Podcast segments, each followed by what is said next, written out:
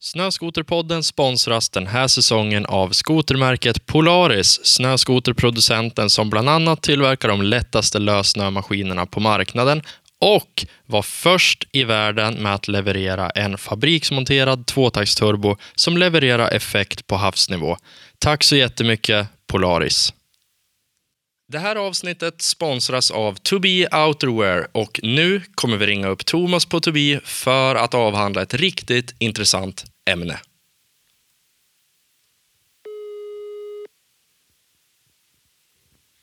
Ja, Thomas. Tjena Thomas! Erik Snöskoterpodden.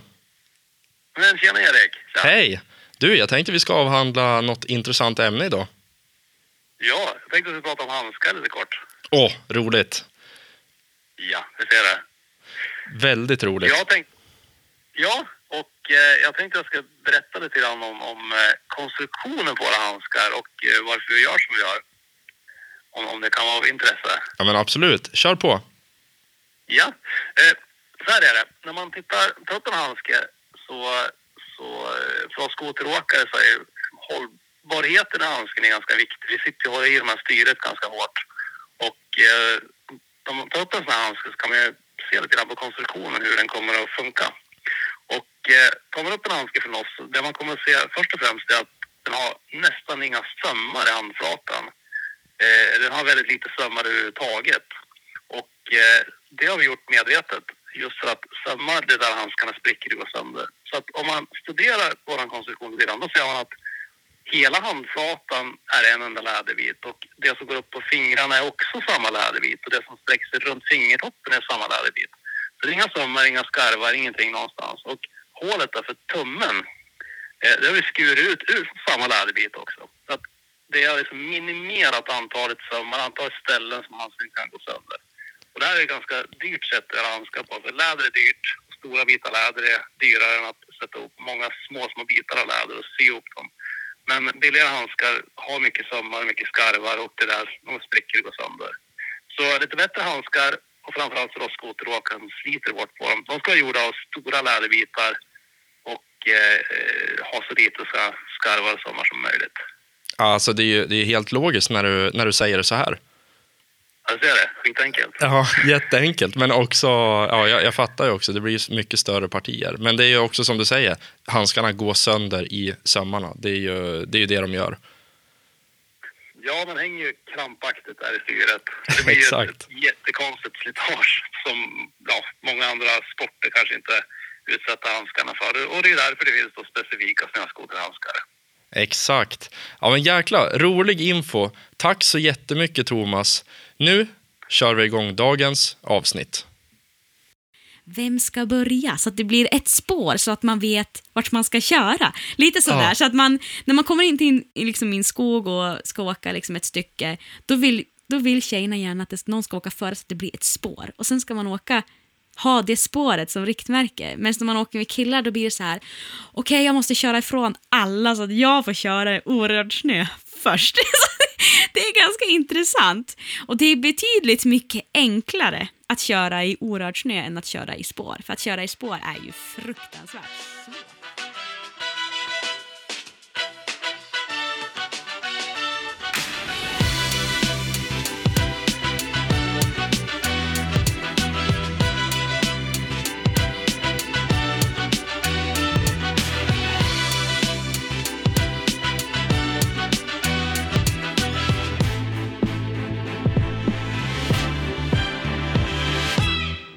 Hej allihop och hjärtligt välkommen ska du vara till ett alldeles nytt färskt avsnitt av Snöskoterpodden. Mitt namn är Erik Holmgren och det är jag som driver denna podcast. Vi befinner oss just nu i november månad. Skotersäsongen närmar sig med stormsteg, vilket både jag och du som lyssnar på det här såklart är väldigt glada för. I dagens avsnitt, som är det 31 i ordningen, så ska ni få lära känna en mycket intressant person från rampljuset i skoterbranschen. På Instagram, där hon för övrigt har hela 12 500 följare, är hon välkänd under namnet Miss Freerider. Och apropå namnet Freerider så ska det även tilläggas att den här personen är den enda kvinnliga teamåkaren inom lössnösegmentet hos Articat Sverige.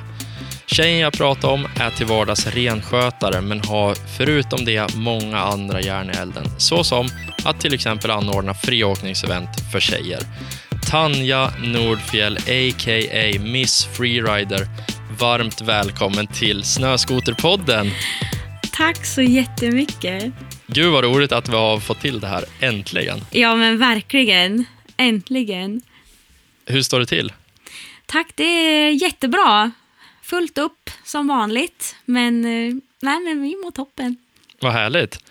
Känner du, alltså nu, vi är ju inne i hösten här, och känner du samma som mig att man är ändå riktigt sugen på snö och skoterkörning? Alltså, man är ju det. Verkligen. Och absolut jag som har haft ett så långt uppehåll, så att nu börjar det verkligen kännas att man är sugen på att ut. Ja men verkligen. Och alltså, det, det är ju så sjukt att varje år vid den här tiden, liksom när det är så här alldeles innan det börjar bli riktig vinter, då alltså, det, det, liksom, det, det kryper ju i kroppen. Det är ju så. Det är samma visa varje år. Ja, det gör ju det. Men varför har du haft ett långt uppehåll? Oh, först eh, hade jag ju en skada. Jag gjorde ju illa mig i juni i fjol. Och sen vart jag gravid. Så jag var som en gravid under vintersäsongen, liksom högsäsongen. Eh, och då, ja, med skadan och graviditeten så var det ju inte genomförbart helt enkelt att köra skoter. Nej, det var sjukt dålig kombo. Ja, verkligen. Men det kanske vart... eh, Det vart nog bra. Det vart som det skulle vara i alla fall. Fick jag hålla mig lugn och bebisen mådde bra och sen allt gick bra. Så det var väl meningen. Men eh, då är det rätt mycket som har hänt i ditt liv och jag tänker vi ska, vi ska komma in lite mer i detalj på det. Men först, jag vill bara fråga, vad har du gjort idag? Idag skulle jag till Åre med en kompis som också har fått barn. Måste jag säga, hon har fått barn. Eh, I samma Mm. ålder. Så att eh, vi skulle åka och bada med de här små pojkarna. Men badet var stängt. Så det vart en, en lunch på byn istället innan vi åkte hem. Så att, ja, nej men vi har varit ute på, på rull idag. Ja, men det är inte fy skam det heller. Nej, nej, nej. Nej, jag klagar inte. Jättemysig dag, verkligen. Är det så här eh, livet ser ut för Tanja Nordfjell för tillfället? Är det liksom eh, barnliv, mammaliv till fullo? Ja, jag skulle nog säga det. Eh, eller det också. Jag gör väl fortfarande mycket samma som jag brukar göra. Men lilla Hilje är med överallt. Så att, eh, senast nu i helgen har vi varit i Norge då jag haft workshop för barn i färg och form på en sydsamisk kulturfestival. Så att vi kom tillbaka från Norge igår. Så att ja, mamma ledig fast fortfarande lite grejer på agendan. Men vi gör dem tillsammans. Det går inte lika snabbt. Nej, exakt. Men, men är han nöjd då? Lillpojken? Han är ganska nöjd. Alltså, är man nöjd får att följa ta, med. Ja, man får ju ta lite break. Både när man kör bil själv och stanna i någon p-ficka lite snyggt och amma och byta en blöja och så fortsätter man och sådär. Samma när vi var i workshop, vi fick ta en liten break och så ut och amma och så tillbaks igen. Så att, ja, nej, men med lite pauser så får man det mesta gå ihop. Ja, det är väl eh, det där som kallas livspusslet. ja, det är väl det. Du, eh, vart är du någonstans just nu? För vi spelar in det här på distans kan vi säga. Ja, just nu är jag hemma i Nulltjärn, Vålådalen.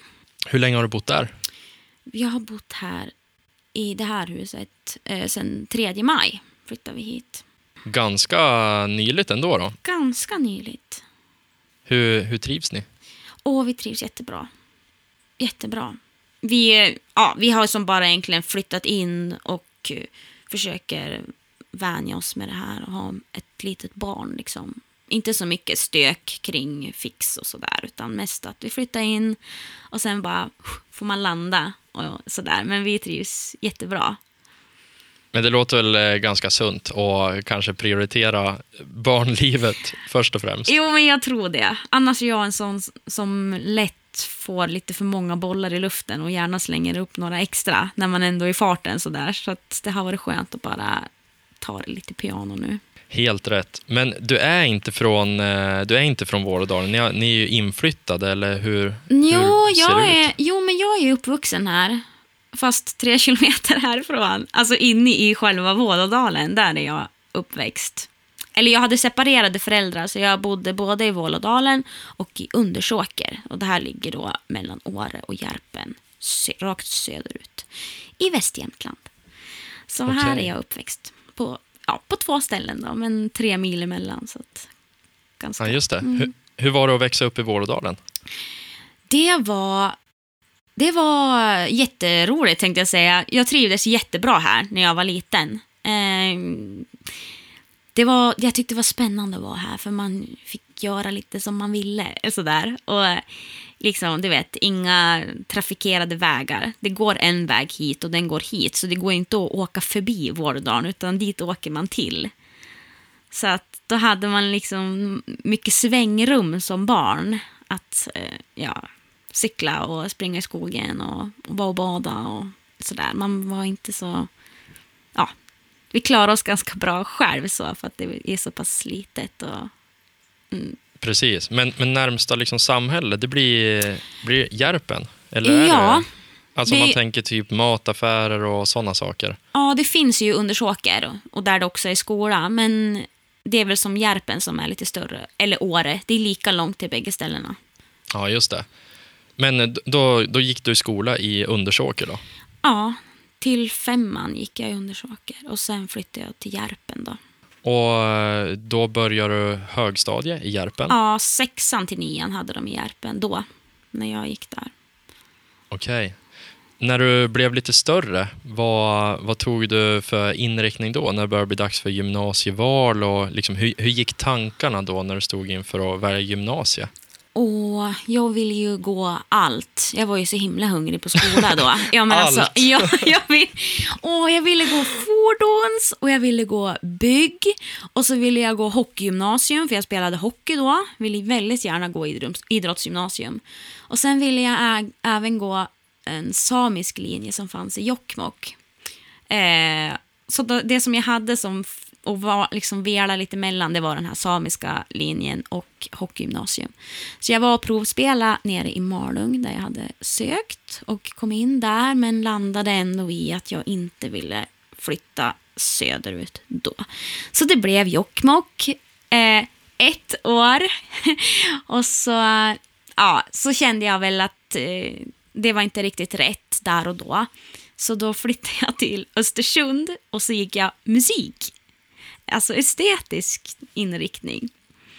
Okej, så du, du gick klart ett år upp i Jokkmokk Mm. och sen hoppade du på att börja om från ettan då? Nej, då började jag tvåan där. Vi hade läst så mycket teoretiska ämnen i, i Jokkmokk så jag, jag låg ganska bra till med kurser där. Så jag gick bara, i tvåan gick jag bara skola tre dagar i veckan. Eh, ja, och sen var det som lite mer i trean då, för då hade jag som landat i fas igen. Så det var lite musikämnen ifrån ettan som jag fick ta in lite kurser sådär, som jag fick läsa med ettorna. Men ja, så småningom fick jag min eh, student med eh, mina betyg där från musikestet. Vad var drömmen? Eller liksom vad, vad tänkte du? För det är ändå ganska stor skillnad mellan hockeygymnasium och eh, musikestet. Ja, men åh, jag vet inte, jag är en sån här... Jag blir så himla glad så att jag hoppar på grejer hela tiden. Bara, åh, ja, det vill jag göra. Åh, det där vill jag prova. Och jag, ja, men alltså just mitt samiska, har, det ligger i mig... Jag känner så himla starkt för det i min identitet. Så när man var i den där åldern och man känner sig så ensam när man går på en skola där man är, du vet, man är fyra, fem samiska elever och så kan man få gå i en samisk klass. Alltså den tanken fick typ mig att göra frivolter. Det kändes som bara wow, vilken grej. Eh, och sig språk och rennäring eh, och slöjd och sådär. Eh, men Okej, är, sen- det, är, det det som, är det det som skiljer en eh, samisk inriktning mot eh, vad ska man säga, en vanlig inriktning? Ja, det, så det var egentligen en samisk samhällslinje. Så med, med liksom, så läste man samiska och samisk slöjd och rennäring och eh, kulturhistoria, typ. Hmm. Men eh, sen var det det här med hockeyn också, för jag, jag började spela hockey ganska sent. Alltså jag har alltid velat spela hockey, men jag fick inte. Eh, och så var det när jag var, när jag var 12, när jag gick i sexan, då startade de ett damlag i Järpen. Och då tjatade jag på min mamma att snälla, snälla, kan inte jag få börja spela nu? Åh, men när det var tjejer då skulle jag, för det var en så hård sport. Man gör bara illa sig. Ja, men så då, när det var tjejer, då skulle jag få vara med. Eh, och började ju med det där. Och jag tyckte att det var så fruktansvärt roligt. Och de där träningarna varade ju bara några veckor tills det hade fullit bort så många så att de la ner de där damträningarna. Men då var Tanja redan eld och lågor och då kunde mina föräldrar inte säga nej. Så sen dess tränade jag då med pojkar. Eh, Okej, okay. hur, var, hur var det? Det var ju mycket roligare, för då fick man ju tacklas och det var ju jättetufft. Jätteskönt att få liksom puckla på någon mot sargen sådär. Ja, exakt. Men, men vad, tyckte, vad tyckte morsan om det då? Ja, men nej, hon tyckte inte om det. Men, eh, nej, om, om hon liksom verkligen inte ville i början. nej, nej, men de hade nog trott att om hon får prova det där så kommer hon att inse att det är ingenting för henne. Så. Men då blev det istället väldigt intensivt. Då tränade jag med grabbarna typ fem dagar i veckan. Men jag hade ju ganska mycket att ta igen då eftersom att jag började när jag var 12 och de hade spelat sen de var fem sex kanske. Så jag, det krävdes mycket skridskoträning när jag var liksom i hyfsat samma nivå. Så att jag åkte varenda lunchrast då på högstadiet för att liksom träna. Eh, och det gick väldigt bra då. Eh, så att jag vart så småningom spelade för distriktslaget då, alltså damlaget eh, motsvarigheten till TV-pucken då, för de som vet vad det är, eh, för tjejer. Och spelade det några år. Och sen har jag liksom varit fram och tillbaks, tränat lite hockey, ja, när jag har bott på olika ställen så jag flyttar runt. Men ja, jag blev ingen hockeyproffs. Det blev ingen hockeygymnasium. Men tycker fortfarande att det är sjukt roligt att spela. Alltså jag snör gärna på mig ett par skridskor och får trampa några varv. Alltså det är riktigt kul. Ja, shit vad roligt. Men eh, har, har ni någon eh, skridskobana kring Vålådalen så att ni har möjlighet att åka? Eller åker man bara då på de här kärnorna och blankkärna och allt vad det heter? Alltså vi har ju en kärn precis här ute vid huset så det blir ganska bra här när det blir lite höstis. Så jag hoppas att eh, det blir sån bra skridskois att man kan åka lite grann. Ja, vad roligt. Vad coolt. Men hur kom du på att du, att du liksom ville bli renskötare då, i och med att du ändå hoppade av det samiska gymnasieinriktningen? Ja, alltså det, det, det samiska det följer med mig ändå eftersom jag är uppväxt i en renskötarfamilj. Eh, så det har ju präglat mitt liv sedan start. Liksom, att vi har flyttat runt med renarna och att ja, min pappa jobbar ju med det. Eh, så jag, känner, jag har alltid känt väldigt starkt för det. Och det har inte funnits något tvivel om vad jag vill bli när jag blir stor, om man säger så. För att jag har alltid velat jobba med renskötsel. Det har aldrig funnits något annat. Det var inte så här att ja, men jag ska bli hockeyproffs istället, eller jag ska bli artist istället, eller jag ska bli någonting annat istället, utan det var liksom det också. För att renskötare, det, fanns, det var det jag skulle bli. Det har aldrig någonsin funnits något annat överhuvudtaget. Och det har väl både var det skönt att veta vad man vill, men också lite sådär jobbigt. För ibland när man väljer nya vägar i livet och liksom så när man är tvungen och så bara, nej men jag vill ju, jag vill ju jobba med renarna. Och så, ja. så går inte det av, av olika anledningar just där och då. Eller att man kanske måste göra någonting annat först innan man är där. Så som det var när man gick i skola. För jag var ju som lite sådär, men varför ska man gå gymnasiet när jag ändå vet vad jag Ja, du bli. vet ju ändå vad du ska göra liksom. ja, ja, men eh, gymnasiet var ju sjukt kul ändå, så att jag är glad, jätteglad att jag gick och att jag ändå fick då flera linjer. Så att jag fick ja, lite, av allt i alla fall. ja, du fick ju testa allt i stort sett. Ja, visst. Jag känner mig, ja, men vad roligt. Jag mig nöjd med det ändå. Och jag tror faktiskt att alltså, även om man vet vad man vill göra efter gymnasiet, rent socialt så kan det vara ganska bra i den åldern att man kanske umgås med folk som är lika gammal, man får lite andra infallsvinklar. Man, man, alltså man får ju också mer kompisar. Så mm. socialt är det ju extremt kul att gå i skolan ja, men också. Verkligen. Det är det. Framförallt umgås med likasinnande. Som då när man har valt en gymnasieinriktning som de som går i samma klass också har valt. Så Exakt. ja, nej, det är väldigt givande. Det behöver man nog i den åldern. Ja, men verkligen. Men, men då när du hade gått klart om musikestet och hade tagit din examen, var det pang på bara rätt in i renskötaryrket eller vad, vad gjorde du då? Då var du typ 19 år? Ja. Eh, ja, då, när jag var 19 år, så eh, fick jag mitt Jokkmokk igen, som jag gick i första året på gymnasiet. För då sökte jag till, ja, det hette folkhögskola förut, men ja, det heter Samernas utbildningscentrum.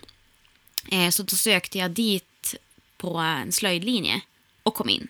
Så att när jag hade tagit studenten och sommaren gick så kom jag in på reservplats då i augusti och vi skulle börja slutet på augusti.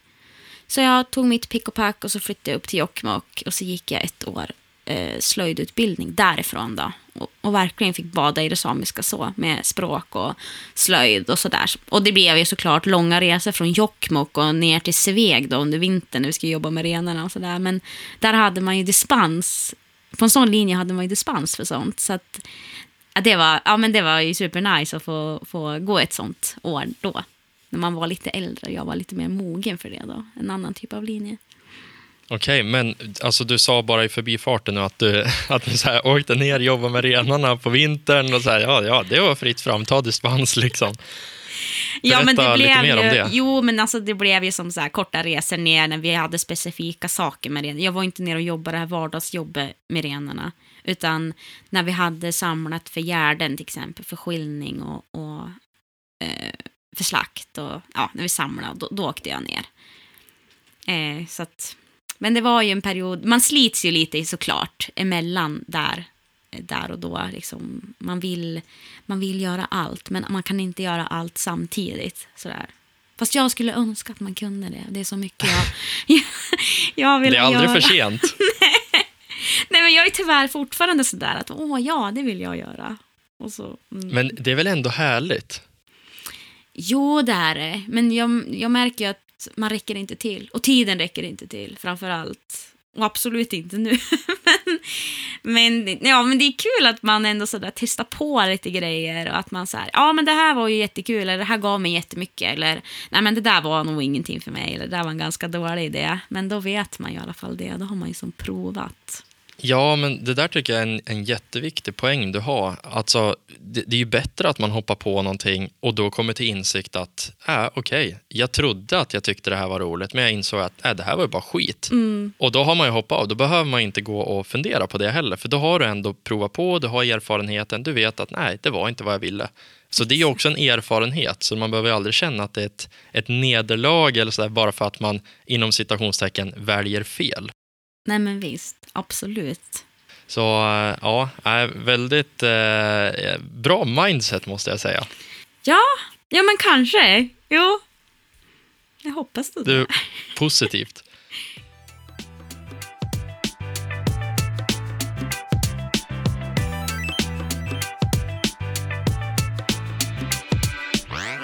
Men eh, då efter eh, det samiska året på folkhögskolan där, då har det varit full fart på... nej, men jag har nog... Vad har jag gjort? Alltså jag har ju hunnit både att jobba i Norge på en pizzeria och så har jag hunnit att jobba på dagis, eh, på samisk, samisk förskola. Eh, så jag har hunnit gjort det också innan det vart liksom all in med renskötseln då. Okej. Okay. Så du har ändå testat på, men sen så kommer fram till att det är renskötaryrket, det är det som ja, är det jo, härligaste? Jo, nej men det var nog, nej men det var inte, alltså jag visste ju att det var det hela tiden. Men alltså för att man ska kunna pyssla med det så måste man ju ha pengar. Och för att man ska liksom börja tjäna pengar så måste man ju ha ett jobb. Så det var liksom lite sådär att, åh, jag vill bara vara med renarna, men det kostar ganska mycket eh, att driva ett renskötselföretag.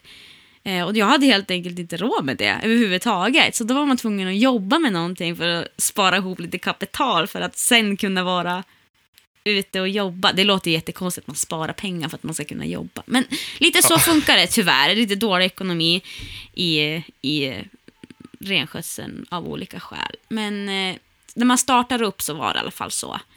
Eh, men det var hela tiden, jag hade ju som ett mål sådär. Men ja, Fick jobba på lite andra ställen och jobbade som personlig assistent till min stora syster. Också ett tag. Eh, har en handikappad stora syster.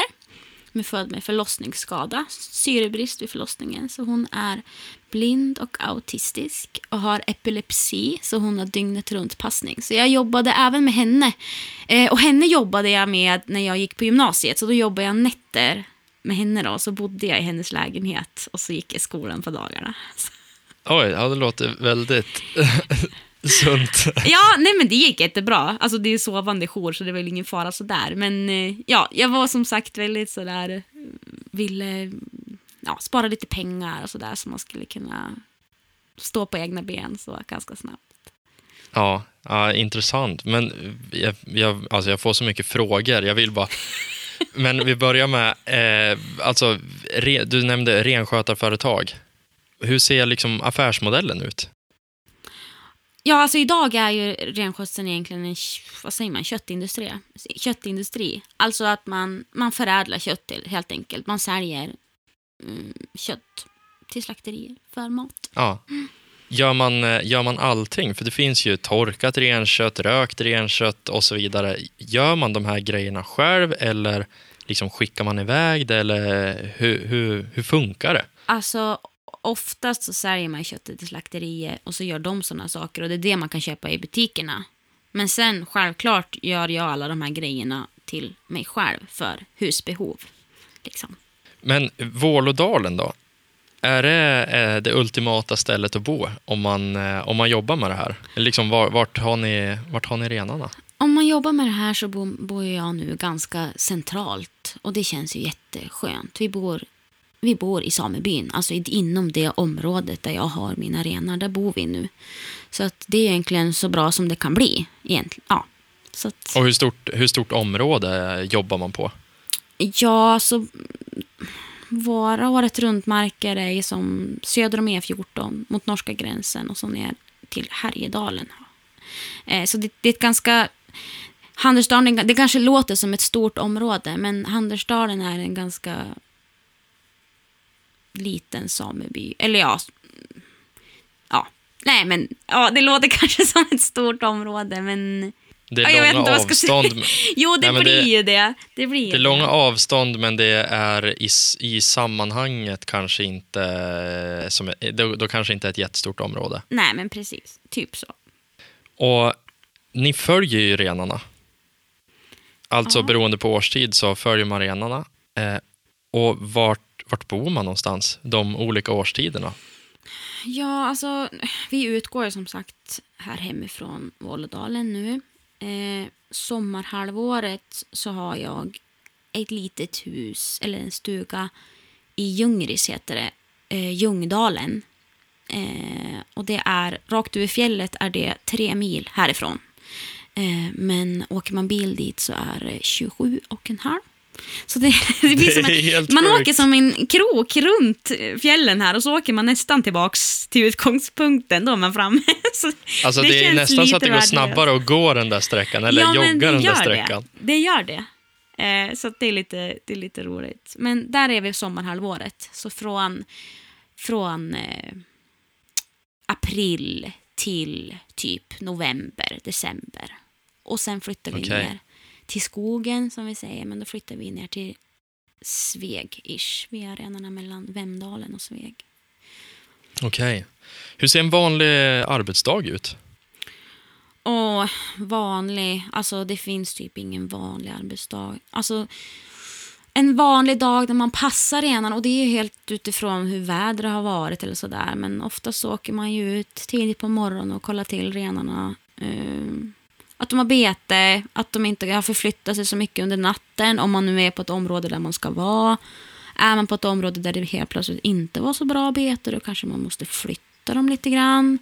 Har det varit några rovdjur i farten måste man samla ihop dem och det kan ta många dagar. Så att, och då helt plötsligt blir ju ingen dag den andra lik sen. Så att det, ja, och sen om det är gärden och skiljningar som det kan vara under vintern, då åker man till grannbyarna, skiljer ut sina egna renar och så fraktar man hem dem till det området där man är och så släpper man ut dem där. Så att det, jag vet inte vad jag ska säga om en vanlig dag. Och sen kan också en det vanlig dag... Inga. Nej, sen kan en vanlig dag vara här, så här att man sitter vid datorn och, och sammanställer lite papper, betalar fakturer, fakturerar och typ sådär. Så att det, det är väldigt olika sådär. Så att, och i andra perioder så är det ju lite lugnare då. Så att. Vad, vad är det bästa då? Åh, det bästa tycker nog jag är att man, man liksom får jobba i och med naturen. I övrigt i samhället så är vi människor ganska van härska över saker. Alltså typ bestämma över saker. Vi bestämmer vi styr ju typ allt hur det ska vara. Liksom. Men när man jobbar i naturen och med naturen så är man väldigt liten. Och då är det renarna som bestämmer och vädret som bestämmer och betet. Och man, man, man blir väldigt ödmjuk gentemot naturen. Att man liksom får backa lite och, och få se lite vart det tar vägen. Och jag tycker det är ganska det är ganska härligt. Och man, ibland man får med sig det där perspektivet när man betraktar andra saker i samhället så blir man så där. man ser verkligen att oj, människan är ganska van att så här, men så här ska det vara, så här bestämmer vi och vi bokar in eh, att det här ska hända just den här dagen, den här veckan, den här månaden och vilket klockslag. Och det går inte i renskötseln, utan det kan liksom, man kan ha en liten riktlinje att vi ska typ försöka samla renarna dit då. Eh, och, ja, sådär. och så blir det ett annat väder, en annan vind och så har renarna bestämt sig för någonting annat. Ja, men då måste man ju styra om alla planer. Så det, det, jag vet inte, jag gillar det. Att man, man, liksom, man, får rätt, man får rätta sig efter moder jord helt enkelt. Ja, Nej, men så är det ju verkligen. Alltså egentligen det enda människan inte kan styra över, det är ju, det är vädret. Det är det enda vi inte har lärt oss att säga, tämja eller kontrollera. Precis. Så nej, det, det är ju någonting, det är ju någonting häftigt i det. Alltså, så här, ja, är det spöregn och du måste ut, ja, då är det bara att klä på sig. Det finns liksom ingen annan utväg. Nej men visst, det är lite härligt faktiskt. Verkligen. Nej, alltså jag, jag, eh, jag tycker att det verkar vara ett så jäkla härligt jobb. Alltså man får ju kombinera egentligen allt det roliga ihop med lite fysiskt slit emellan och sen, eh, ja, man har sina jobbiga dagar kanske när man kommer hem, man är iskall, man är blöt och man har varit ute i spöregn. Men någonstans när man kommer in då och kanske får eh, värma sig framför en brasa eller sådär, då ångrar man sig väl inte en sekund, kan jag tänka mig. Nej, det gör man inte. Och framförallt inte när man ser sina djur. Alltså det är ju liksom mina djur. Och man, man känner igen dem, man skapar sig relationer till olika individer. Och man, man följer dem från liksom när de är kalv och så när de växer och så här, från år till år. Och, så att man, man blir väldigt så där eh, knuten till dem. Och det är så himla härligt. Så att, ja, nej, men det ger jättemycket att jobba med djur. Och det tror jag, det tror jag man kan relatera till Alltså om man jobbar med an, andra djur också. Att just att jobba med djur är så fantastiskt, tycker jag. Ja, nej, men eh, det, det kan jag verkligen tänka mig. Men med det, att man blir fäst vid saker och ting och man blir fäst vid, som du säger, olika individer av djur. Det måste också vara väldigt jobbigt när det kommer till slaktperiod och det kanske är rovdjur i farten och sådana saker. Hur, hur hanterar man det? Åh, det är en jobbig grej. Det är det. Eh Jo, den är jobbig. Det finns ju, alltså, det är ju ett väldigt ödmjukt sätt man slaktar på och som man har till sina renar. Liksom, de är inte bara objekt utan att det, det är ett man har ett tankesätt när man pysslar med renar. Liksom att ska man ha en sak av renen så måste man ge två saker tillbaka. Så att man måste hela tiden vara, vara givmild och sina renar och, och känna tacksamhet. Så, så att, eh, för annars kanske man kan tycka att ja, men varför slaktar man renar om man tycker om dem? Men, men det här är ju givetvis en, ett, liksom ett kretslopp som eh, men som man är ytterst medveten om. Och jag är ingen känslokall människa som gör saker utan att känna någonting. Varken med renar eller med jakt eller någonting annat. Eh, sen är det ju helt klart, det här med, med rovdjur kan ju hålla en vaken om nätterna. Och det är ju ett jättekänsligt ämne. Jag, eller ingen tycker nog riktigt om att prata om det överhuvudtaget. För att det väcker så starka känslor av förklarliga Ja. skäl. Men det är ju också en grej som kan hålla en vaken om nätterna. Man har varit ute och man, man har någonting bland renarna som, eh, som tar individer, som sprider dem. Och så blir det mörkt och jag måste hem och lägga mig. Alltså, mm. den Och är så jobbig. vet man att de är kvar ute liksom. Ja, och så kommer man ut så är det ännu fler döda. Alltså, så, så det är klart att det finns, det är ju, det är ju helt klart jobbigt. Ehm, men, ja. Nej, jag, Det är en jag- del av naturen också Jo, på något det sätt. är det också, men det finns ju ingen balans och vi ska inte kanske halka in på det ämnet, då kan vi prata om hur, hur länge som helst. Men, men eh, helt klart så är det en del av naturens gång, men den ska vara i balans. Och Ja, det är den verkligen. inte idag, tyvärr. Eh, och det är jobbigt då, att vara den som är, liksom, slår i underläge lite grann. Så att, men, Ja, ja, men det förstår jag. men eh, jag har aldrig ändå känt att, att jag skulle kunna lämna renskötseln så, eller mina renar, för att de behöver ju mig. Och det här är ju en del av min identitet och det som har byggt Tanja från start. Så skulle jag ge upp det, vem är jag då? Liksom? då ja, det är lite som att ge upp sig själv. Då har jag ingenting Mm. kvar att leva för. Så, så dramatiskt känns det. Så att någonstans känner jag ändå att, att man liksom vill fortsätta med det. Jag brinner så starkt för det. Ja, du har ju, liksom, du har ju fått med dig det i hela uppväxten. Så jag, ja, jag, alltså jag, jag förstår det verkligen. Det är ju som du säger, det är verkligen en identitetsgrej. Och, men om man bara ska knyta an till det där, eh, just med eh, de jobbiga bitarna. Det man verkligen kan lyfta fram i just renskötsel, eh, det är ju att djuren har det fantastiskt bra. Typ hela tiden. Ja. Eh, till skillnad från kanske många andra djurindustrier där det kläms in i trånga bås och det liksom bara matas för att växa djuren. Här i renskötaryrket eller liksom rennäringen, det är extremt fritt. Det är ju vilddjur fast de täms av människor på något sätt. jo, de har det eller hur man ska bra. beskriva så. det. Jo, absolut. Men en sak jag tänkte på, det är ju extremt mycket jobb. Det är ju olika arbetsbelastning beroende på vilken del av året man är inne i. Men när är man ledig? Kan man vara ledig? Nej, egentligen kan man nog aldrig vara ledig. Man har ständigt dåligt samvete när man gör någonting annat. är det sant? Ja, ständigt. Eh, så att, nej. Nej, gör man någonting annat så ska man skämmas. För då hade man faktiskt kunnat vara med renarna. Så att det, det, så är det. Man, man, nej. När kan man säga att det är lite lugnare? Juni och augusti kanske.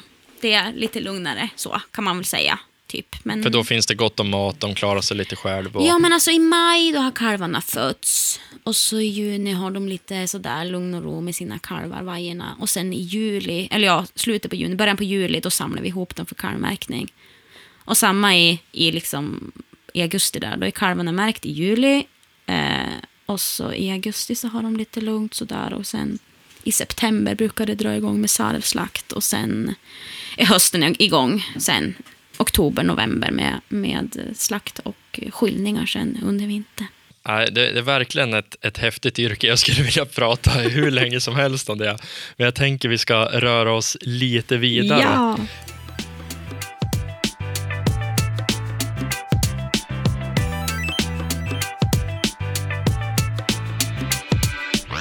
Alltså, eh, eh, renskötaryrket det innebär ju en hel del skoteråkning. Men när, när, för din egen del, när började skoterkörningen utvecklas till något mer än bara jobb? För i dagsläget så är det ju inte bara jobb. Nej, nej, det är det ju inte. Och det, det roliga är att det började ju, som, som jag har pratat om tidigare, att min, min stora dröm det var ju att bli renskötare. Det har aldrig funnits något annat. Även om det har, alltid har varit mycket motstånd till det. Liksom. Det är många som säger att nej, men det ska man inte bli för att det är så jobbigt och, liksom, och det finns ingen ekonomi i det och, och så vidare. Eh, men när det är knutet så starkt till sin identitet så kan man bara inte släppa det när man är uppväxt med det. Jag kunde i alla fall inte det. Eh, och så, det är ett väldigt mansdominerat yrke. Nu är det ju fler tjejer idag som pysslar, men det är också samma sak där, att det finns ingen given plats för kvinnor i renskötseln, utan man har fått armbåga sig dit. Eh, så när jag började så fick man ju höra liksom mycket att, nej men var det någon som skulle jobba med renskötsel så var det ju pojkarna och tjejerna ska ju utbilda sig och ta vanliga jobb. Liksom. Och jag ville inte det. Och varför vart jag tjej? Nej men gud, jag har aldrig velat vara det. Det var ju typ det värsta som kunde hända, att jag var född som tjej. Så det var ju som det största motståndet. Så jag var ju liksom pojke så länge jag kunde. Du vet, jag klippte av mig håret och liksom hade likadana kläder som killarna för att eh, så länge man var barn så kunde man kamouflera sig lite grann för då blev man inte ifrågasatt. Så jag var liksom pojke så länge det gick. Tills det liksom inte gick och, och håller mot naturen längre. Men eh, för att få hela tiden bli mött av det där, att när man väljer ett, ett spår som inte är givet då som kvinna, att man, man säger men du kan inte för att du är tjej. Vad säger man om det? Nej men, nej men gud. Eh, och när man liksom frågar, men varför? Ja men alltså tänk dig som renskötare, då måste man ju klara sig själv ute till fjälls och i skogen med skoter eller med motorcykel sådär. Och vem ska hjälpa dig när du har kört fast? Och när man är ung, man blir så nedslagen av det där att ja, det, finns, det finns inget hopp för mig. Och då blir man som uppgiven. att Men vad ska jag göra istället? Nej men ingenting. Det fanns inget annat. Och då blir det som så här, nej men gud, då får inte jag göra det jag vill och då blir inte mitt liv värt att leva. Alltså så hemskt kändes det. Och så har man ändå smält det där och funderar på alla som är emot den och så till slut blir man förbannad och så tänker man att men gud, ska det hänga på att man ska kunna köra skoter? Ja, men då måste jag kunna lära mig att köra. Alltså, jag tänker, de är, de är inte så himla stora de här andra renskötarna, som är samerna. Så att jag måste väl också kunna lära mig det på något vis. Så tänkte jag att, som med hockeyn där, att jag tränar jäkelt för att jag ska komma ikapp. Så vart det lite med skoteråkningen. Och jag körde och körde och körde. Eh, för att jag skulle bli bättre så att jag skulle kunna klara mig själv. Jag hatade att be om hjälp att jag hade kört fast, för då fick man ju höra det där. Liksom att man, man sinkar då när man är ute i ren skog. Ja, det, det, var liksom sån, eh, sån kultur, eller du har ändå liksom blivit u, lite utsatt för det, så här, lite gliringar och lite fula kommentarer sådär. Ja, ganska mycket faktiskt. Ja, och det är det som det triggar ännu mer alltså. Ja, jo men det gjorde nog det, för att det fanns ju inget alternativ för mig. Och så, men ska det hänga på att man ska köra skoter? Ja, men då ska jag lära mig köra skoter. Vänta ni ska ni få se. typ. Det är så sjukt roligt. ja, men alltså det kanske låter jättekaxigt och det här var ju ingenting som jag sa till någon för jag är ju väldigt blyg och försynt och liksom sådär och blev lite ledsen i mitt egna lilla hörn sådär men att, att träna i smyg, om man ska säga. Men jag sökte mig ju ändå till ja, men lite så här tjejcamps och sånt här för man fick åka iväg på så här friåkningsläger och lära sig lite tips och tricks, alltså då när jag började köra. Eh, så det var ju liksom... Det var ju så jag började med lösnåkningen, för att jag skulle kunna klara mig som renskötare i, i då mitt yrke. Och sen insåg du att eh, shit, det här är, det här är svinkul. Mm. Jo, men det var det. Alltså, och jag lärde mig ju jättemycket. Eh, alltså rent tekniskt. Och liksom att tro, bara att våga tro på sig själv och lära sig mer om maskinerna man kör. Och, nej, men alltså det var ju nej, det var helt fantastiskt. Vilken ögonöppnare för mig. Men hur har, hur har din åkning utvecklats genom åren? Så här, eh, rent tekniskt, om man tänker när du, när du började verkligen intressera dig och, och träna på skoteråkning gentemot mm. idag, vad är liksom största skillnaderna? Största skillnaderna är nog att när jag började försökte jag mästra skoteråkningen med styrka. Eh, och det tror jag de flesta gör när man är nybörjare, att man försöker bryta med kroppen. Och jag är inte så där jättestor, 1,50 lång. Eh, lite tyngre nu än vad jag brukar nu. Men alltså, som tjej, så, ja, jag säger inga siffror, så har jag inget sagt. Men jag är 1,50 lång i alla fall och det är inte så himla långt. Så tyngdpunkten är ganska låg. Så att man, har, man har inte så mycket att bryta med. Så det skulle jag kunna säga är den största skillnaden. Att, att idag kör jag mycket mer tekniskt. Alltså, så jag använder mig av maskinen för att jag orkar inte. Varken med min vikt eller liksom min, min kropp för att mästra skoteråkningen med styrka. Liksom. Nej, men jag, jag, tror faktiskt att just det där du beskriver, det, det beskriver nog ganska bra hur alla som är duktiga hanterar fordon. För att mm. om man kollar på en riktig proffsåkare, de kan köra hur länge som helst och de blir inte ens trött. Alltså Nej. det, det kommer inte en svettpärla någonstans och det är för att ja, de låter maskinen jobba. De Mm, liksom verkligen. lägger vikten på rätt ställe, de styr med skidorna åt rätt håll. Det liksom, ja, de låter maskinen eh, löpa fritt. Mm. Eh, Medan en glad amatör bryter, bänder, jobbigt, sliter fram och tillbaka, ryckig gas och liksom, Mm. ja, men då är det ju väldigt jobbigt. Så att, eh, det är någonting värdefullt du, du säger där, att så här, rent tekniskt, ja, det är, är ju verkligen stor skillnad. Mm. Jo, men jag skulle säga det. Vad skulle du säga är liksom den bästa lärdomen du har tagit genom, genom åren här? Jag skulle nog ändå säga att om man, om man har tänkt att köra fast, då ska man köra sig fast så att man tar sig lös själv. Det brukar jag alltid tänka när jag är ute och kör. För att ibland Men hamnar det är man... lättare sagt än gjort. Ja, ja, Eh, ja, jo, till en början är det det. Men jag skulle faktiskt nästan kunna säga att jag är världsmästare på att köra mig fast nu. För att jag vet precis när jag ska sluta och gasa för att jag ska veta att jag själv tar mig, okej nu måste jag bara stopp, nu måste jag byta, byta mm, liksom, teknik, nu måste jag göra någonting annat för att ta mig lös härifrån. Och att veta när det är dags att sluta gasa eller när det är dags att skicka på allt man har eller när det är dags att hänga med kroppen på ena sidan och ge allt. Eller. Så att det skulle jag nog ändå, ändå sådär att jag har jobbat ganska mycket på att hitta sätt att köra mig lös. För alltså just de här fastkörningarna, det, det spelar nog ingen roll om man är tjej eller kille eller lång eller kort eller vad man nu är, så suger de musten ur den. Ja, de gör ju det. Alltså man har ju typ eh, tre, tre liv, alltså Mm, tre, fastkörningar, på en dag. Sen är det bara att åka hem, för sen är det ingen Ja. vits.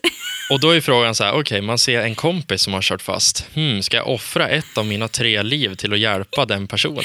ja, men ex- ja, men det är så. Det är verkligen det. För det är där Ja, man är man, det brukar sen. energi. Ja. Och sen när man har Ja, men bränt ett liv, då orkar man ju som inte köra och då börjar man göra misstag. Ja, men, eh, det där är, det är faktiskt ett, ett jättebra tips. Att så här, ja, konkret, läs terrängen. Mm. Så här, gasa mer om, du, om det behövs för att du ska göra det lättsammare. Även om man kör fast, så ja, gör det på rätt sätt. Ja, nej, men visst. Och, det tar, och då kanske man tänker så här, men gud, hur ska man veta det då? Men alltså, det finns bara en väg di- dit, tyvärr. Och det är ju att man ska köra fast så, så många gånger. Så att man börjar kunna urskilja de här. Så då kan du kanske tänka dig själv hur mycket jag har kört fast. Alltså det är ganska mycket. Och framförallt när man är ensam ute i, i ren skog då. Och, för då ställs det just på sin spets. För är jag ute och kör med polarna, då, då, liksom, då tänjer jag mina egna gränser. För att man, ja, kan det här gå? Ja, kanske vi provar. Men alltså, sådana risker tar jag ju aldrig när jag är ensam. Alltså man får inte försätta sig i en situation där man inte klarar sig själv. Så att man kör ju lite efter sådär vad man, vad man klarar av. Eh, för att det kan vara, vara enkelt att köra lite tankspritt när man, när man kör med kompisar för att man vet att man kan få hjälp. Mm. Men exakt. Och apropå att ta lite risker och kanske köra på ett, eh, ett, ett knepigt sätt. Du har ju fått barn ganska nyligen, eh, Mm. som du nämnde i början av avsnittet. Tror du att det här kommer påverka ditt sätt att köra? Alltså, tror du att du kommer tänka på ett annorlunda sätt? Jo, men det tror jag. Alltså, de flesta vill nog säga nej, det gör det inte. Eh, det vill jag också säga. Men jag tror ändå att det gör det. Jag måste ju någonstans ändå hem till han. Så att, nu tror jag, nu, är inte jag, nu ska inte jag, nu låter det som att jag är värsta våghalsen och det är, jag- är jag verkligen inte. Så att jag, är- jag är en sån som håller mig på backen när jag kör. Alltså, det är inte mycket upp i luften sådär och våldsamt och snabbt och sådär, utan jag är ganska jag är nog teknisk i min körning, men ganska safe. Så att jag tycker inte att jag har varit en sån där som ja, tar risker ändå. Även om jag nu har lyckats göra illa mig i alla fall. men, men, nej, men man kommer säkert tänka, tänka kanske en extra gång. Efter man har tänkt sina tre extra gånger så tänker man kanske en gång till. Ja, exakt. Nej, men och, och det är ju någonting som, eh, alltså man, man bör ju ändå ha med det i åtanke. Du säger att du kör, du kör eh, på marken.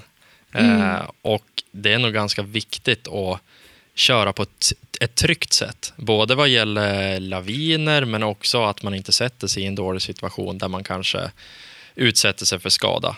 Men skador händer ju. Jo, men det gör ju det. Absolut. Och där har ju du lite erfarenhet. Mm. Jag har ganska mycket erfarenhet med skador faktiskt, tyvärr. Och jag vet inte hur jag lyckas med det, för jag tycker, jag tycker själv att jag är ganska lugn och försiktig. Men de som står mig nära tycker inte att jag är lugn och försiktig. Um, så vi är inte riktigt överens där. Men, men jag tycker att jag är ganska lugn. Men, men skador har jag dragit på mig många genom åren. Tyvärr. Ge något eh, exempel. Ja, jag har ju flera knäskador. Varav den senaste slet jag av eh, bakre korsbandet i mitt högra knä. Och det är en Oh. ganska dålig skada, alltså bakre. Så att mitt, mitt högra knä är jätteglappt och liksom håller inte riktigt ihop. Jag vill, jag vill inte låta negativ, men är det inte så att eh, när man har dragit på sig en korsbands eller ledbandsskada, man brukar ju säga att det går typ inte att eh, åtgärda. Du kan få det så att det är okej, men du kommer alltid vara klen i det Mm. benet. Jo, det är tyvärr så. Och även som nu om de skulle behöva rekonstruera mitt korsband så blir det ändå inte 100%. Så att har man en knäskada så är man tyvärr inte där man var innan. Och det är lite sorgligt. Det blev man ju lite arg på sig själv. Men olyckor händer så lätt. Tyvärr. Sen har det varit en hel del hjärnskakningar, brutit någon nyckelben, bräckt någon revben och sådär. Genom åren. Men Och lärdom där, alltså eh, bra skydd Bra från skydd. dag ett. Mm. Alltså jättemånga, jag, jag vet inte hur många jag har pratat med som de råkar ut för en typ knäskada och Mm. då köper de rejäla bra knäskydd som Mm. ger stabilitet och skyddar mot vridningsskador och sånt där. Men man bara, men då är det ju för sent. Mm. Du skulle ju ha haft det innan. Du skulle ha köpt det när benen är hel. Mm, verkligen. Ja, nej, och jag är, jag är tyvärr en av dem. Klok också. Ja, så att, och det är kanske man... Nej, men fy vad korkat. Det är en jättebillig försäkring om man köper ett par bra knäskydd och sen har man knäna i behåll istället för att som nu att man är skadad och sjukskriven och kan varken jobba eller köra, alltså, köra skoter på sin fritid eller ens... Ja, nej gud, så himla onödigt. Så att det är väl mitt tips till er som inte har riktiga knäskydd, ni där ute som lyssnar på den här podden, att skaffa er såna. Pratat av erfarenhet. Sjukt bra tips. Men eh, när, vi är inne på, när vi är inne på skador, hur eh, har det påverkat dig psykiskt? Mm. Ja, alltså man blir, man blir ju ganska nedslagen av en skada. Eh, framförallt då sån här skada som en knäskada som tar så otroligt lång tid. Alltså, jag gjorde illa mig eh, i, juni, i början på juni i fjol när jag körde enduro, endurospår. Alltså det var sån löjlig skada. Alltså jag körde i en kurva stående och så rullade framdäcket undan. Och då ska jag sätta ut benen och ta emot mig. Och liksom ramla är som i split liksom med benen. Eh, med vikten Ja, på mitt högra ben. fel liksom. Ja, så att då knäckte jag av ledbandet med att vika knät inåt så det klev ur led inåt liksom. Pang. Med hela min kroppsvikt över. Alltså det gjorde ju fruktansvärt ont. Åh, jag tycker det är så vidrigt. Ja, att det- sånt där. jag- jag inte varför hörde jag att ställer det small frågorna av. ens. Ja, när jag hörde att det small av och jag bara nej, nej, nej, nej, nej, nej, det här får inte hända, nej, jag var så jäkla... Och det gjorde ju så ont. Nej men herregud, jag grät som ett litet, litet, litet barn. Oh. Nej, och då alltså, man blir ju skadad så länge. För då liksom först att de här första dygnen när det ska, det blir så himla svullet och det måste svälla av innan man kan göra en röntgen på det med all vätska. Och så har man gjort en röntgen och liksom ser att det inte är något benbrott. Äh, då är det en magnetkamera och så, alltså, så fick ju jag ortos, eh, att de skulle ortosbehandla och den, liksom, den ställningen satt ju från hela vägen uppifrån ljumsken ner till fotknölen. Och den skulle jag ha då hela sommaren och hela hösten i den där. Så att när, när det var 30 grader varmt och alla var ute och körde vattenskoter och bada eller när mina kollegor var och märkte kalv då, då låg jag hemma på rygg i soffan och tyckte synd om mig själv. Och det är ju fruktansvärt. Alltså det värsta, man missar allt. Så man har både dåligt samvete för att man inte gör någon nytta och, för, och sen allt, missar allt roligt som händer. Då. Ja, Mm. men ja, det som eh, inte dödar, det härdar. Man blir väl förmodligen starkare. Både, ja, förhoppningsvis så lär man sig någonting av det och Ja, man kanske kommer tillbaka klokare. starkare. Mm. Någonting du verkligen brinner för det är ju tjejers utveckling i skoteråkningen. Och det syns ju inte minst på att du anordnar event med fokus på friåkning just för tjejer. Så om vi pratar lite mer specifikt till våra kvinnliga lyssnare. Har du några tips till alla tjejer där ute som vill utvecklas som förare? Åh, åh, jag har massa tips. Eh, det, det finns ju en sak som de flesta säger till tjejer, att, eller som man tröstar sig med, både som tjejer tröstar sig med och som killar tröstar tjejer med. Liksom att ja, men du är inte lika tung eller du är inte lika stor och då kan du inte. Då har man begränsat sig redan där, oavsett om det är man själv som gör det eller någon annan. Men, och den brukar jag vilja sopa bort ganska på en gång, därför att det går faktiskt, oavsett vilken storlek man, man har. För det är ju faktiskt så att den skotern som färdas bäst i snö, det är den skotern utan förare. Alltså med så lite last som möjligt. Den färdas Så bäst. Mm. Så resten är, resten är teknik. Så att, eh, för annars begränsar man sig. Så det brukar jag vara ganska snabb med att säga att nej men åh, det där får ni inte varken någon annan säga till er eller, eller ni själva. Liksom, att jag kan inte för att. Utan det är bara, bara övning. Så att det vill jag nog att man ska få med sig. Att ni kan visst. Ja, alltså det är ju, det är ju så sjukt viktigt det du säger. Alltså om man, om man börjar med att liksom säga att nej, det går inte. Redan där, alltså va? Det är ju helt fel. Mm. Då, då går det ju verkligen inte heller. Liksom, då sätter man en mental spärr redan från början. Så att, det är superviktigt. Men om vi kollar på maskinen då. Eh, I och med att det är lite skillnad i, i eh, storlek och kanske vikt mellan tjejer och killar. Vilka delar på en skoter tycker du gör störst skillnad i att att antingen byta eller bara justera eller förändra? Alltså vilka förändringar är det som ger mest, mest förändring för pengarna till det positiva? Ah, alltså, det första, i alla fall jag, eller de... Jo, men jag, att sänka styret. Det är nog det som jag tycker är som det... Att man får liksom, att man kommer närmare skåten.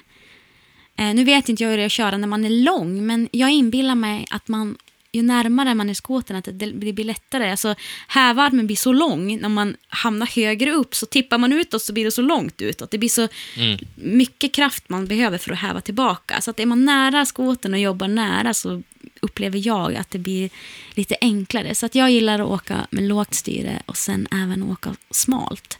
Eh, man behöver inte nödvändigtvis skaffa sig en smal framvagn, utan att det räck, ibland räcker det att flytta in skidorna. För oftast har man de här små bussningarna man kan flytta.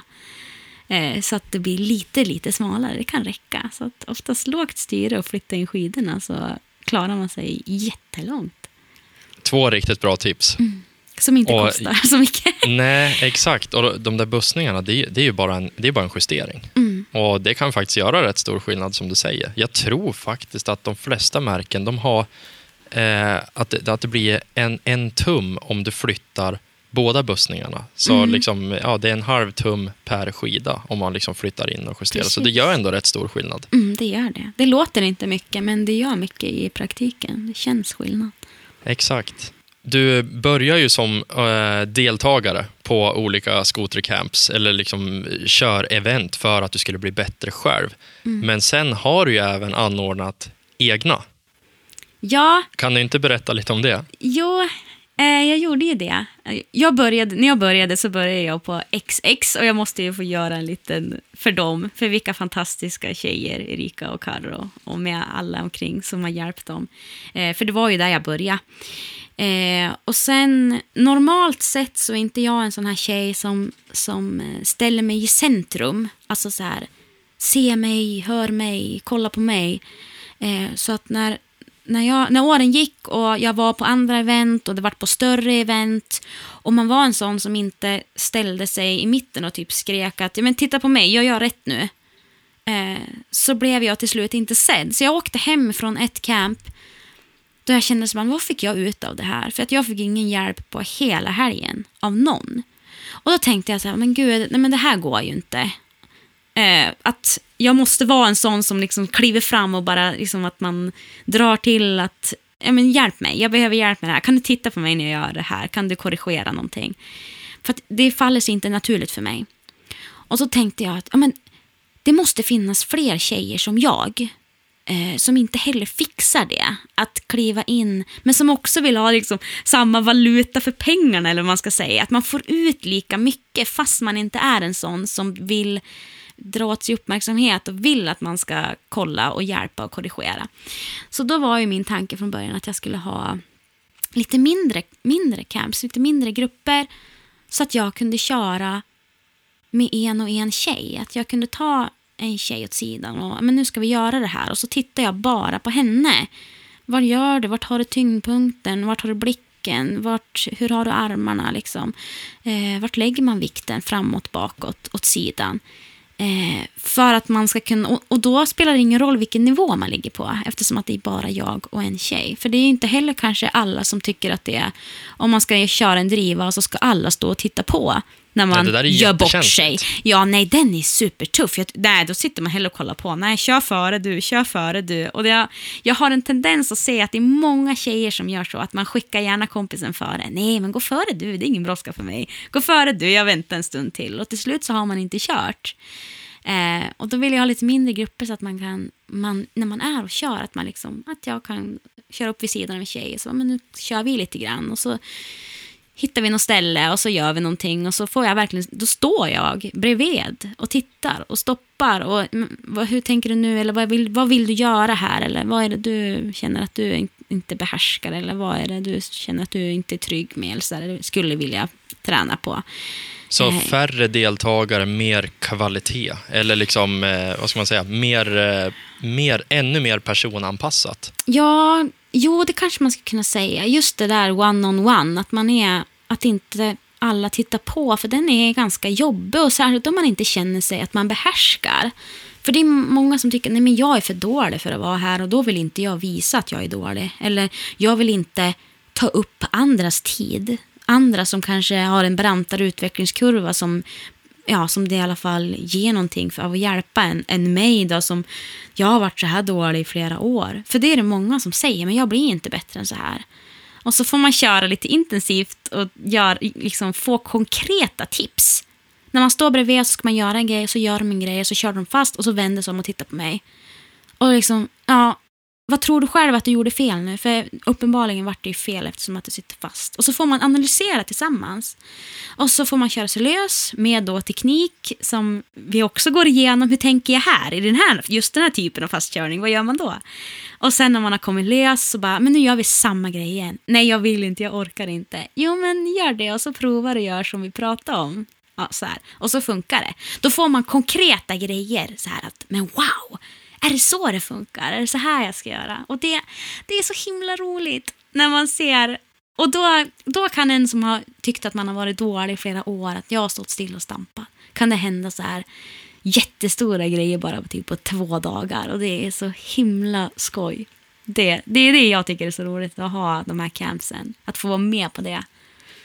Ja, men alltså, det är ju det är guld, det är ju det bästa som finns. Och, känn, och, och, och, även för deltagarna kan jag tänka mig. Och känna att shit, det, det är skillnad. Jag känner skillnad bara från gårdagen. Mm. Alltså, det är ju en oslagbar känsla. Men sen det jag tycker är lite synd om man generaliserar, då är det ju som du, som du säger där att kanske i, i tjejsammanhang så är det lätt att man vill inte göra bort sig. Mm. Eh, och det är, det är ju så himla synd och det är därför det är så himla bra också att det finns sådana här event som, som du har anordnat, där det är liksom mindre grupper, det är få, det är väldigt individuellt, man kör sitt egna race. Det är liksom, ja, man tävlar mot sig själv på något sätt och det mm. är ja, på, på en egen nivå. Det är superviktigt. Och att man kanske inte jämför med, inte vet jag, kläder, dekalkit. Alltså det finns ju så många dimensioner ja, av skoterintresset. Ty tyvärr måste jag säga, för att det är, det är så många som säger det, eller som skri kan skriva till mig, åh jag hade så gärna velat anmäla mig till ett av dina camps, men jag har inga sådana där, alltså dekalkit eller sny snygga klä nya kläder. Eller, och man bara, nej men gud. Det handlar ju inte om det överhuvudtaget. Det måste man inte ha, utan alltså, det är ju bara passionen att vara ute med likasinnade. Alltså det är ju, och det spelar ingen roll vilken nivå man är på, för det liksom är gemenskapen. Och det där ser man också är så olika när man kör med tjejer och killar. För när jag kör med grabbar, som ändå kör mycket med grabbar, då är det lite sådär försten fram. För att man vill vara först i orörd snö, man vill vara först i en driva, man vill vara först i en slänt. Men när man kör med tjejer, då vill man helst köra sist hela tiden. Man vill köra bakom någon, kör före du. Och när man kommer fram till ett ställe så blir det nästan lite så här, vem ska börja? Så att det blir ett spår så att man vet vart man ska köra. Lite sådär, Ja. så att man, när man kommer in till i liksom min skog och ska åka liksom ett stycke, då vill, då vill tjejerna gärna att någon ska åka före så att det blir ett spår. Och sen ska man åka ha det spåret som riktmärke. Men när man åker med killar då blir det så här, okej jag måste köra ifrån alla så att jag får köra i orörd snö först. det är ganska intressant. Och det är Väldigt betydligt intressant. mycket enklare att köra i orörd snö än att köra i spår. För att köra i spår är ju fruktansvärt svårt. Ja, gud ja. Det är ju som att åka i en rodelbana. Alltså man, man- liksom kastas mellan olika kanter och det lutar när man inte är beredd. Alltså när man kör i, i ren pudersnö, helt orört. Då är det ju bara flytta, alltså bara säga, men då kan man ju flytta vikten utifrån Mm. vad man själv känner. Ja, visst. Ja, det Ja, där är- väl, väldigt intressant observation ändå, måste jag säga.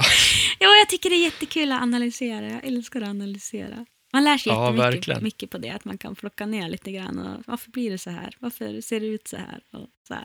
Ja, men, och även när man står på sidan kan jag tänka mig. Mm. Alltså du som instruktör, eller vad man säger. Sjukt lärorikt också att se alltså, och, och tillsammans med alla andra analysera. Vad är det som händer? Varför blev det så här? Varför välte vi? Varför körde vi fast? Alltså, Ja.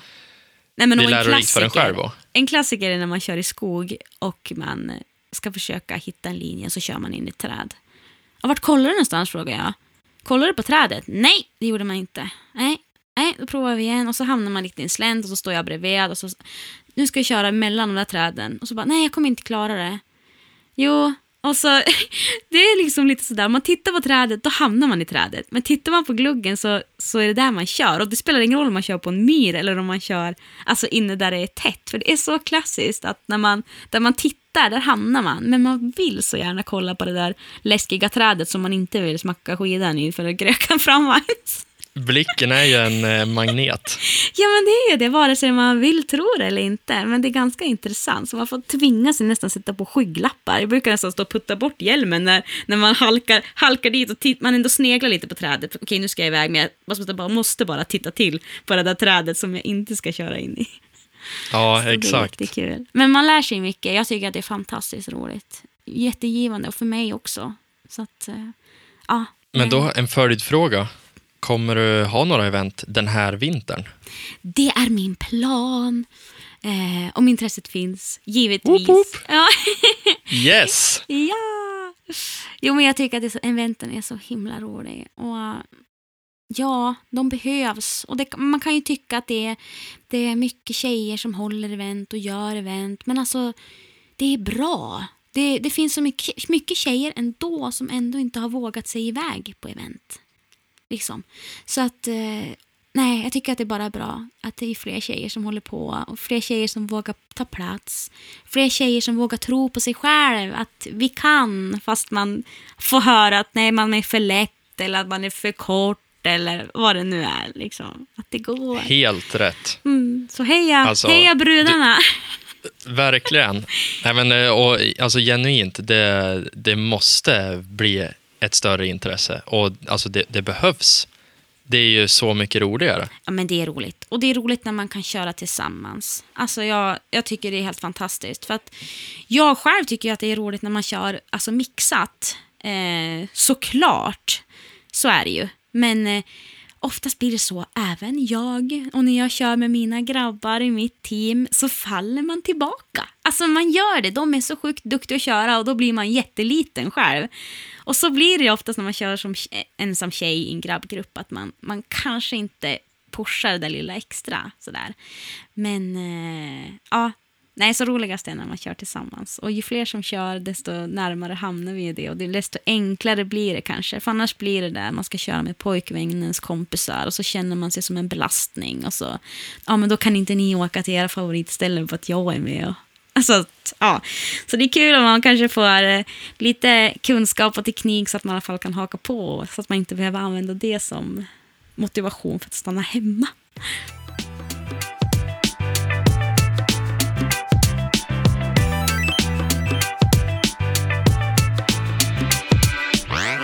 Om vi kikar lite närmare på framtiden och vad den har att erbjuda. Det är någonting som är extremt spännande.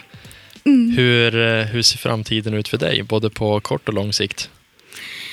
Åh, ja, för det första är man ju såklart sjukt taggad på den här säsongen som kommer nu. Att äntligen få köra skoter igen, att eh, vara på snö efter det här långa uppehållet eh, och även få hålla lite event igen. Känns ju jättekul. Så att det är väl det som ligger i det närmsta, förhoppningsvis. Det ser vi verkligen fram emot. Nej, men på, på längre sikt så hoppas jag nog ändå, nu när den här pandemin kanske förhoppningsvis börjar nå sin, sin ände, att man eh, får ut och resa igen. För jag är verkligen så taggad på att köra i Kanada eller USA. Det Ja, känns för som att... Visst har du har varit där en gång innan Jag har varit där två gånger innan. Och jag får liksom inte riktigt nog. Alltså det är magiskt. Eh, Kanada har jag varit kört i. Och, ja, det går ju inte att jämföra med någonting. Så att, och när man har provat det så vill man ju såklart göra det igen. så, så att det är väl det. På längre sikt så hoppas jag att vi får till någon, någon fler resa dit. Ja men verkligen. Och nu när du nämner pandemins slut här så, ja, alltså man, man är ju trött på hur det har varit. Men nu vill man ju faktiskt att det ska återgå till det normala för att kunna åka på resor och ja, träffa folk. Ja, träffa folk. Alltså man, har, man blir nästan, det är nästan det, det värsta med den här pandemin, att man har ju glömt hur man är social. Alltså man har Ja. lite sådär social fobi, att när man träffar folk då vet man inte hur man ska bete sig. Hur ska man, vad man ska är ju så. man göra? Vad ska man fråga? Vad ska man säga? Och det är fortfarande så här, får man ta i hand eller får man inte ta i hand? Eller det är så här och jag, är så här, jag älskar ju att kramas. Så man, nu blir man riktigt så här, får man kramas? Nej, det får man inte. Får jag krama dig? Ja, jag är vaccinerad. Är du vaccinerad? Så, det är så här, ja, nej, så det är väl lite skönt om det kan bli lite normalt. Så man får kramas mer och umgås mer. Verkligen. Du, eh, Tanja, det börjar bli eh, dags att avrunda podden. Hur har det känts att spela in?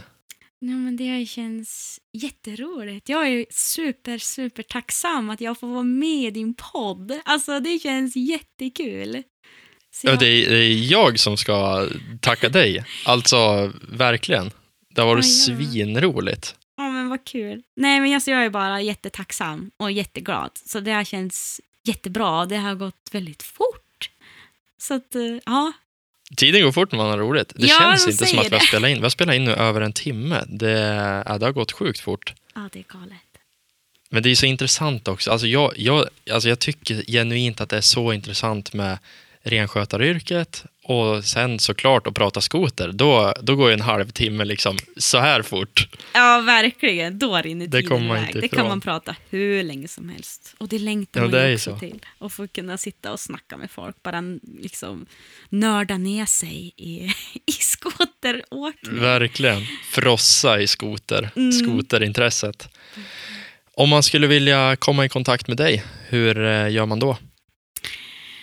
Oh, ja, Instagram kanske, skicka ett meddelande där. Eller Facebook, de som är gammaldags har det. Eller jag är inte på TikTok än, så att, ja, men Instagram är väl kanske det som är enklast. Om man inte hittar hit i Vålådalen, hit är man alltid välkommen. Grymt! Tanja Nordfjell, stort tack för att du gästade Snöskoterpodden. Tack snälla.